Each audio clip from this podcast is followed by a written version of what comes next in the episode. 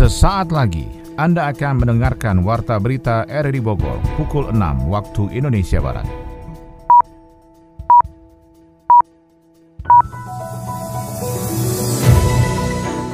Selamat pagi, salam jumpa. Kami hadir kembali dalam Warta Berita edisi hari ini, Rabu 9 Agustus 2023. Informasi ini juga turut disiarkan melalui audio streaming lewat RRI Play dan juga disiarkan lewat Radio Tegak Beriman Kabupaten Bogor, Jawa Barat dan Anda bisa akses di Spotify RRI Bogor. Berita utama pagi ini adalah Satreskrim Polres Bogor melakukan rekonstruksi 75 adegan kasus tertembaknya Bribda IDF di Rusun Pori Cikeas, Kabupaten Bogor. Ombudsman Republik Indonesia menemukan mal administrasi dalam penyediaan ribuan rumah untuk korban bencana alam di Kabupaten Bogor. Dua wanita parubaya ditangkap polisi karena menjadi bandar arisan yang merugikan 2 miliar rupiah. Saya Maulana Isnarto, inilah Warta Berita selengkapnya.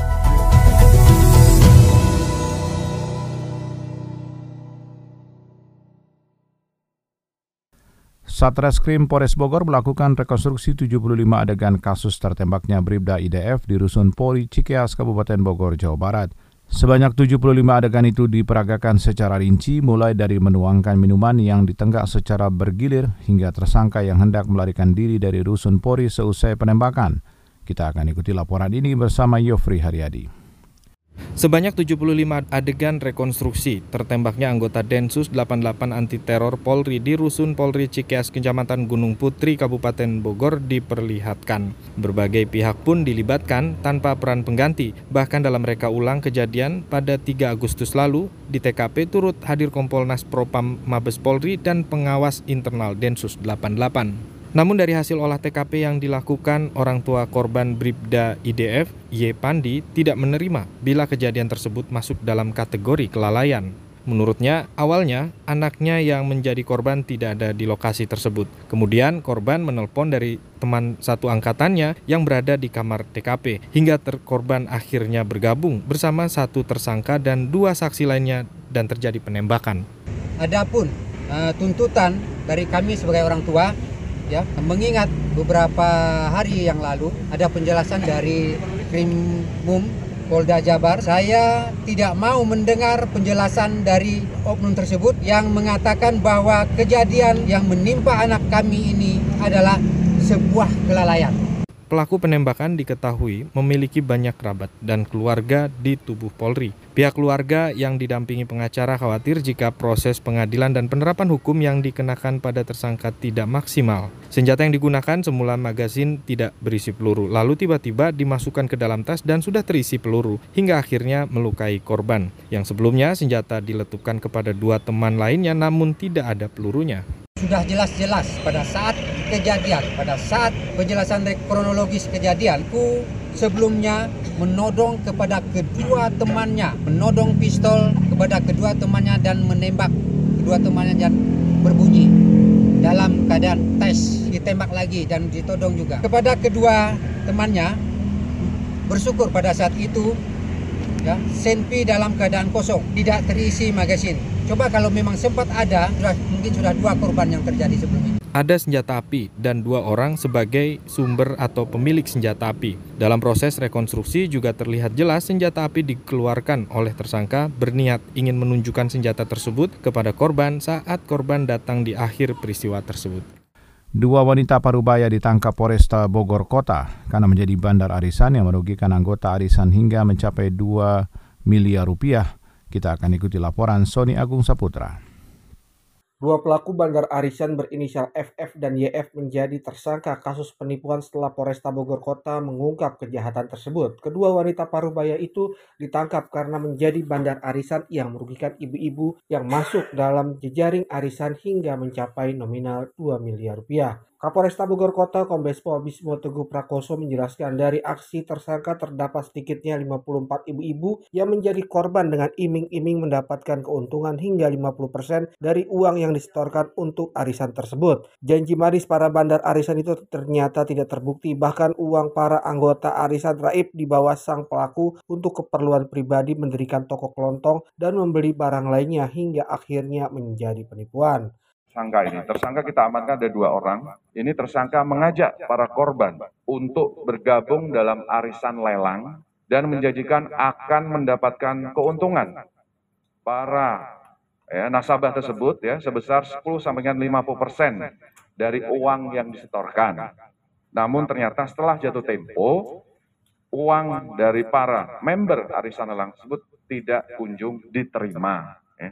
Nah, ternyata tersangka menggunakan uang tersebut, ya, uang nasabah tersebut untuk menutupi arisan lelang sebelumnya dan digunakan untuk keperluan pribadi seperti membuka toko sembako. Ya. Ini korbannya ada 54 orang, ada 54 korban dan total kerugian sekitar 2 miliar rupiah. Nah ini eh, barang bukti yang kita amankan di antaranya rekening koran. Lebih lanjut, Kasat Reskrim Polresta Bogor Kota Kompol Rizka Fadila mengatakan semua korban menyetorkan sejumlah uang hingga belasan dan puluhan juta rupiah untuk mendapatkan janji manis keuntungan hingga 50 persen. Pada awal arisan memang janji manis tersebut terpenuhi dengan modus adanya jaring arisan lainnya dari media sosial namun lambat laun ternyata bandar tersebut ingkar janji bahkan tempat berupaya mengaburkan jati diri hingga menjadi pesakitan dalam kasus tersebut. Bahwa memang ini ada beberapa kelompok dimulai kegiatan aktivitas uh, para pelaku ini memulai kelompok, uh, memulai perputaran uh, nasabah ini di bulan Februari 2023 dan uh, berangsur dengan masa tenggat 30 hari sampai 60 hari. Nah, bulan Maret, April, Mei itu uh, berjalan normal, kemudian yang nasabah membludak sehingga perputaran di bulan Juni dan Juli jatuh tempo di bulan Juli tidak terbayarkan. Estimasi ada 51 kelompok, 53 orang dengan masing-masing orang tersebut berbeda-beda untuk paketnya. Ada yang 15 juta sampai ada yang 100 juta. Nah, dari 54 orang tersebut, sementara data hasil rekapan hampir mencentuh 2 miliar rupiah untuk seluruh kerugian. Itu tergantung dari paketnya, dari jumlah semakin besar dana yang tersetorkan, maka paket bonusnya akan semakin persentase besar. Tetapi untuk persentasenya, keuntungannya 10%. Hingga saat ini polisi masih melakukan penyelidikan dan penyidikan untuk mengungkap bandar lainnya dari arisan tersebut karena diduga masih ada sejumlah uang yang masuk dalam sindikat penipuan arisan yang merugikan masyarakat sehingga masyarakat harus waspada mendapatkan tawaran serupa dari media sosial dengan janji manis mendapatkan keuntungan besar.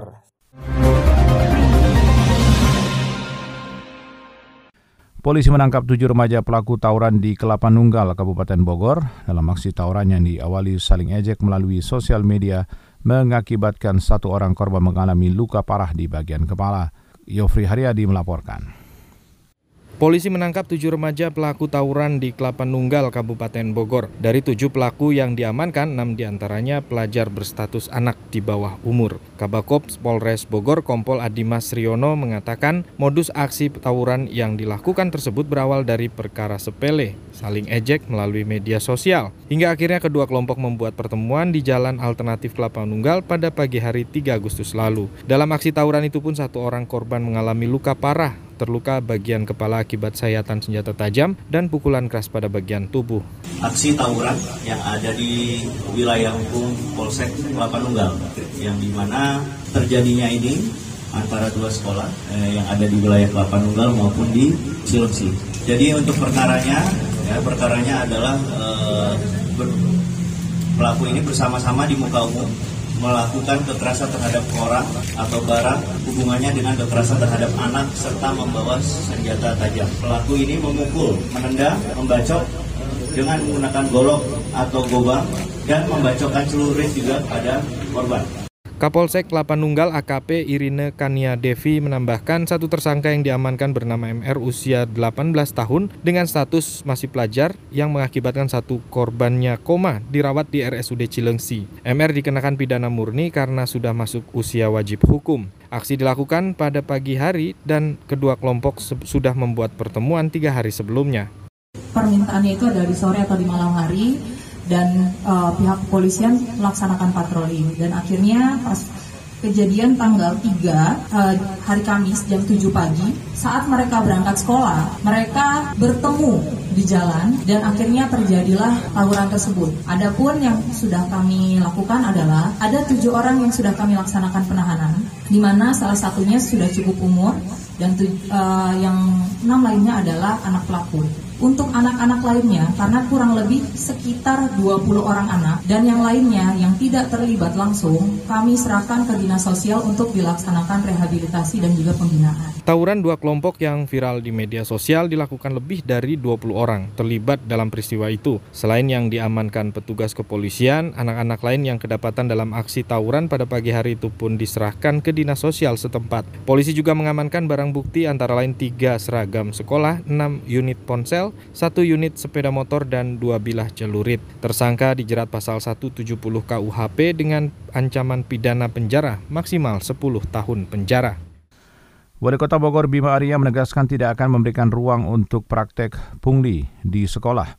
Warga yang mendengar, melihat, dan merasakan praktek pungli di sekolah akan melaporkan ke saluran Sibadra ataupun nomor khusus layanan pengaduan nomor 0852 1845 1813. Adi Fajar melaporkan. Wali Kota Bogor Bima Arya menegaskan tidak akan memberikan ruang untuk praktik pungutan liar atau pungli di sekolah. Upaya memberantas pungli di sekolah harus dilakukan melibatkan seluruh unsur, mulai dari pemerintah, dunia pendidikan, dan juga masyarakat. Pihak sekolah pun mendukung upaya Pemkot terkait komitmen menghapuskan korupsi di sekolah, baik lewat praktik pungli maupun praktik lainnya. Bima Arya meminta bagi siapa pun yang mendengar, melihat, dan merasakan praktik pungli agar dapat melaporkan ke Pemkot Bogor melalui saluran Sibadra ataupun nomor khusus yang disiapkan untuk layanan pengaduan di nomor 0852 1845 1813. Hari ini saya ingatkan lagi kepada seluruh sekolah, baik dari SD, SMP maupun SMA, walaupun SMA bukan kewenangan, tapi pesannya harus sampai. Jangan ada praktek-praktek pungutan liar, jangan ada hal-hal yang memberatkan, Jangan kita mendidik siswa-siswi dan keluarganya dengan budaya pragmatisme. Silakan bagi yang mendengar, melihat, atau merasakan ada praktek-praktek yang tidak baik di sekolah, bisa lapor ke Sibadra atau juga ada nomor yang lain yang bisa langsung. Kalau Sibadra ini kan berlaku untuk semua. Tapi kalau ini khusus untuk sekolah. Kalau yang ini khusus untuk pungli di sekolah. Ya silakan lapor. Saya ingin membangun sistem, tidak memberikan ruang bagi praktek-praktek pungli. Saat disinggung potensi pungli yang terjadi di sekolah, dijelaskan Bima Arya bisa terjadi baik yang disepakati ataupun tanpa diketahui oleh komite sekolah. Kemudian kunjungan-kunjungan ke sekolah yang pada akhirnya membebankan biaya kepada orang tua melalui pembelian buku ataupun kunjungan lainnya. Ya, bisa jadi pungutan yang disepakati atau tanpa sepengetahuan komite, kunjungan-kunjungan, buku, baju-baju gitu ya. Atau ketika ada yang datang mengunjungi sekolah, kemudian diberikan uh, uang sebagai honor padahal tidak ada dari aturan, ya, hal seperti itu. Jadi jangan memberatkan siswa, jangan memberatkan orang tua, jangan memberatkan guru, jangan memberatkan sekolah. Pencegahan pungli di sekolah menjadi komitmen pemerintah Kota Bogor untuk meningkatkan kualitas pendidikan anak-anak. Di samping itu, Pemkot Bogor juga terus membenahi sistem PPDB dan melakukan pembenahan di sekolah-sekolah.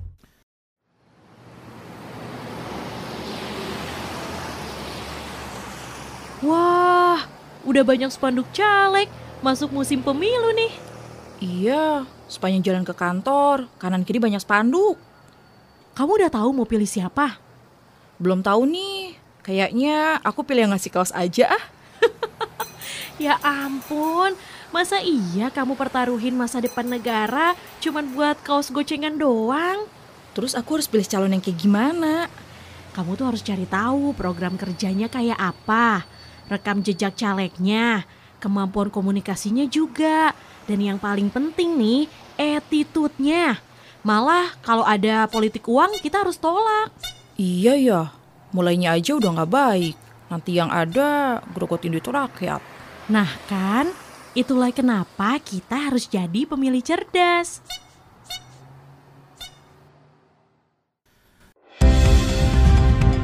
Anda tengah mendengarkan Warta Berita RRI Bogor. Ombudsman Republik Indonesia menemukan maladministrasi dalam penyediaan ribuan rumah untuk korban bencana alam di Kecamatan Cigudeg, Sukajaya, dan Nanggung, Kabupaten Bogor. Yofri Haryadi melaporkan.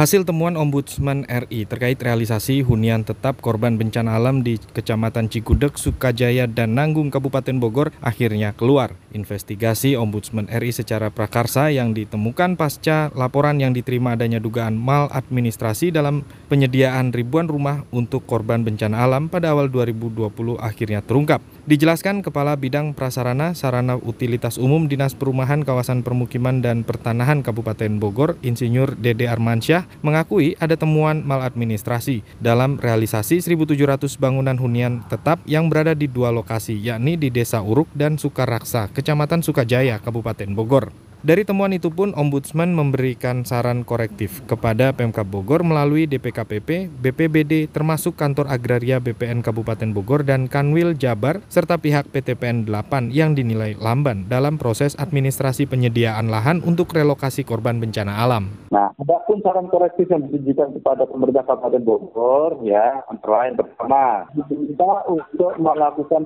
verifikasi ulang ya, atas penerima bantuan hunian hunian tetap yang sudah ada yaitu yang di Desa Uruk maupun di Desa Sukaraksa. Itu, hmm. itu kita diminta untuk melakukan verifikasi ulang. Disinyalir beberapa penerima huntap itu tidak tepat sasaran. Indikasi ini dibuktikan itu ada beberapa huntapnya ternyata tetap masih kosong, tidak dihuni. Ombudsman juga menginstruksikan kepada Pemkap Bogor melalui tim yang baru di SK-kan untuk kembali memverifikasi kepada korban penerima bantuan relokasi rumah serta verifikasi ulang kepada calon pengisi hunian tetap yang pembangunannya sedang berjalan. Terlebih jumlah data sebelumnya pada April 2020 penerima hunian tetap hanya 1.700 rumah, namun terjadi penggelembungan hingga mencapai 5.000 rumah. Sejalan dengan itu, Pemkab Bogor juga disarankan untuk melakukan verifikasi ulang lagi terhadap calon-calon penerima bantuan upah. Verifikasi ulang terhadap calon agar tidak terulang lagi seperti penerima huntap yang diuruk maupun di desa Sukaraksa. Keganjilan yang ditemukan Ombudsman adalah data penerima hunian tetap yang berbeda dengan hasil verifikasi di lapangan. Di Desa Uruk, Sukajaya, ada bagian huntap yang tidak terisi lantaran penghuninya masih bertahan di lokasi bencana longsor yang seharusnya dikosongkan. Namun penghuni huntap juga ditemukan ada yang berbeda dengan data penerima. Tim verifikasi juga diminta untuk mengamankan 52,8 hektar lahan sebagai peruntukan bangunan rumah dan sarana prasarana bagi penghuni huntap dan tidak dijadikan area komersial seperti ruko dan lapak PKL. Sejumlah wilayah desa di Ciawi seperti Desa Cikopo sudah terdampak kekeringan dan sulit mengakses air bersih. Adi Fajar melaporkan. Pemerintah Kecamatan Ciawi melakukan antisipasi dini terhadap potensi kekeringan di wilayahnya. Salah satu yang dilakukan adalah memetakan titik sumber air yang bisa dimanfaatkan untuk masyarakat. Sekretaris Camat Ciawi Muhammad Saubar mengungkapkan beberapa wilayah desa di Ciawi seperti di Desa Cikopo sudah terdampak kekeringan dan sulit untuk mengakses air bersih. Ia mengatakan saat ini tim lapangan telah diturunkan untuk melihat wilayah mana yang menjadi rawan berkurangnya sumber mata air di permukiman warga guna untuk dapat disalurkan air bersih kiranya masih ada sumber mata air yang bisa dimanfaatkan gitu ya ini nanti diupayakan eh, agar sumber mata air ini bisa eh, diarahkan untuk eh, pemenuhan air minum di wilayah Pihaknya lanjut Sobar telah berkoordinasi dengan BPBD Kabupaten Bogor untuk dapat menyuplai air bersih jika warga terdampak kekeringan. Namun kalau juga eh, tidak bisa, kami dari kecamatan tentunya akan berkoordinasi melaporkan hal ini kepada pemerintah Kabupaten Bogor. Biasanya kita meminta bantuan dari eh, BPBD ataupun juga dari KDAM untuk distribusi air kepada masyarakat. Pemerintah Kecamatan Ciawi juga meminta masyarakat untuk bersiap dalam menghadapi musim kemarau dengan bijak menggunakan air bersih. Jika ada warga yang mata airnya terganggu diharapkan dapat segera berkoordinasi dengan desanya masing-masing agar segera ditindaklanjuti.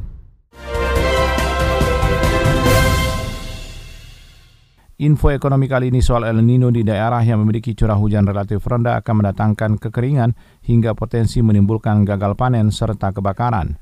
Cina mengalami tekanan deflasi karena harga barang mengalami penurunan. Kita ikuti laporan Adi Fajar Nugraha. Fenomena iklim El Nino yang tengah melanda Indonesia mendatangkan kekhawatiran. Bagaimana tidak, ancaman kekeringan hingga krisis pangan menjadi dampak yang terus mengintai bahkan kian nyata di masyarakat. PLT Deputi Bidang Klimatologi BMKG, Arda Sena Sopa Heluakan, mengatakan pihaknya memproyeksikan puncak siklus El Nino terjadi dari Agustus sampai Oktober 2023. Dalam momentum tersebut, sejumlah daerah akan dilanda kekeringan parah terutama daerah yang memiliki curah hujan yang relatif rendah dibandingkan daerah lainnya. Ardasena mengatakan El Nino di daerah-daerah tersebut akan mendatangkan kekeringan hingga berpotensi menimbulkan gagal panen pertanian serta kebakaran hutan dan lahan atau karhutlah. Sementara itu, PLT Direktur Jenderal Sumber Daya Air Kementerian PUPR Jarod Widyoko mengakui Dampak El Nino telah terlihat di sebagian wilayah di tanah air yang saat ini telah dilanda kekeringan. Koordinator Pengendalian OPT Serealia, Direktorat Perlindungan Tanaman Pangan Kementerian Pertanian Gandhi Purnama pun memproyeksikan adanya sejumlah lahan pertanian yang mengalami gagal panen dalam beberapa bulan ke depan. Beberapa data yang telah dihimpun dalam periode April hingga Juli 2023 diproyeksikan sejumlah daerah masih mengalami hujan. Berkaca dari data tersebut, terlihat masih ada potensi banjir yang mengintai lahan pertanian. Gandhi memaparkan akibat terjadinya fenomena El Nino dalam beberapa waktu terakhir sebanyak 20.255 hektar lahan padi mengalami kekeringan serta sebanyak 14.000 lahan padi terkena banjir. Cina mengalami tekanan deflasi karena harga barang di negara itu mengalami penurunan. Hal ini terjadi karena para pengusaha atau pedagang sengaja menurunkan harga demi meningkatkan penjualannya. Karena permintaan yang anjlok, harga barang di negara itu diturunkan 3% dari tahun lalu. Para pengusaha rela mengurangi keuntungannya. Inilah yang membuat Cina terancam mengalami tekanan deflasi. Beberapa ekonom mengatakan pada awal 2023, Cina mengalami periode penurunan harga yang jarang terjadi. Kondisi ini sangat kontras dengan meroketnya inflasi di Amerika Serikat. Menurut deflator, produk domestik bruto atau PDB ukuran harga ekonomi secara keseluruhan Cina sudah mengalami deflasi. Tidak hanya harga kebutuhan barang, penurunan berkepanjangan juga terjadi di sektor properti Cina. Beberapa tahun belakangan, harga sewa, furnitur, dan peralatan rumah tangga sudah jatuh. Harga mobil listrik di negara itu juga menurun karena dipicu mengurangnya distribusi Tesla di Cina. Jika harga terus turun di berbagai barang untuk waktu yang lama, konsumen dapat menunda pembelian mereka, membatasi kegiatan ekonomi lebih lanjut, dan memaksakan bisnis untuk terus menurunkan harga. Tidak semua harga turun, harga pariwisata melonjak 7,1 persen dalam enam bulan pertama dari tahun lalu karena tarif hotel yang meroket. Biaya untuk pelayanan seperti rekreasi dan pendidikan, serta perawatan kesehatan juga masih meningkat. Sebagai informasi, deflasi adalah periode di mana harga-harga secara umum jatuh dan nilai uang bertambah. Deflasi juga didefinisikan sebagai suatu keadaan di mana ada penurunan harga barang secara terus-menerus sehingga terjadi peningkatan nilai uang.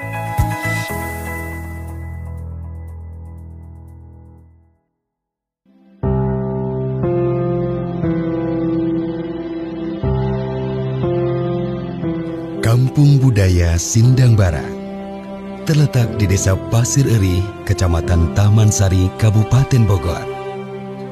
Merupakan kampung tertua di wilayah Bogor. Berdasarkan naskah Pantun Bogor dan Babat Pajajaran, terdapat suatu kerajaan bawahan yang bernama Sindang Barat dengan ibu kotanya Kota Barang. Diperkirakan Sindang barang sudah ada sejak zaman kerajaan Sunda, lebih kurang abad ke-12. Di sinilah kebudayaan Sunda Bogor bermula dan bertahan hingga kini.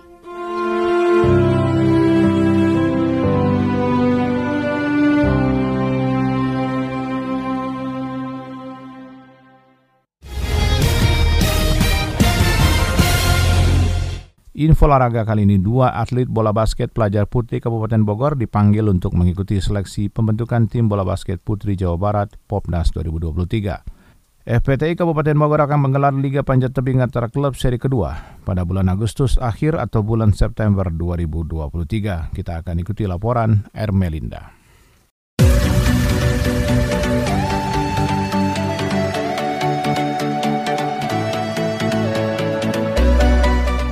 Atlet bola basket pelajar putri binaan Pusat Pendidikan Olahraga Pelajar dan Mahasiswa PPOPM Kabupaten Bogor yakni Keisha Restu Maulida dan juga Mesia Nurulia Utami dipanggil untuk mengikuti seleksi pembentukan tim bola basket putri Jawa Barat menuju Pekan Olahraga Pelajar Nasional Popnas 2023 di Palembang, Sumatera Selatan pada tanggal 26 Agustus hingga 4 September 2023. Pemanggilan kedua pebasket besutan Mabruri Wijaya tersebut berdasarkan surat keputusan bahkan terhitung dari tanggal 1 hingga 2 September 2023, kedua atlet akan menjalani seleksi bersama 15 perwakilan atlet dari beberapa daerah di Gor Laga Tangka Sport Jabar Arca Manik Kota Bandung. Pelatih bola basket PPOPM Kabupaten Bogor Mabruri Wijaya mengatakan bahwa dua atletnya akan mengikuti seleksi pembentukan tim bola basket Putri Jawa Barat untuk Popnas 2023 mendatang. Mabruri menambahkan jika persaingan dalam seleksi sudah pasti ketat.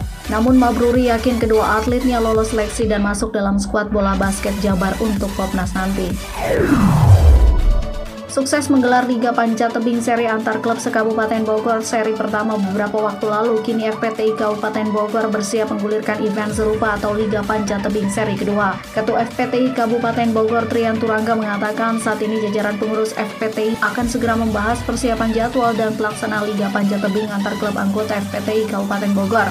Ia optimis dari event Liga Panca Tebing antar klub ini nantinya akan menjadi motivasi semua klub anggota FPTI Kabupaten Bogor untuk bisa fokus melakukan melakukan pembibitan dan pembinaannya. Di samping itu, skuad Panca Tebing Kabupaten Bogor yang akan tampil pada Porprov Jabar 2026 akan berasal dari rangkaian Liga Panca Tebing ini yang akan digelar setiap tahun sebanyak tiga seri. Rencananya FPTI Kabupaten Bogor akan menggelar perhelatan Liga Panca Tebing antar klub seri kedua ini pada bulan Agustus akhir atau bulan September saat perayaan Haornas 2023.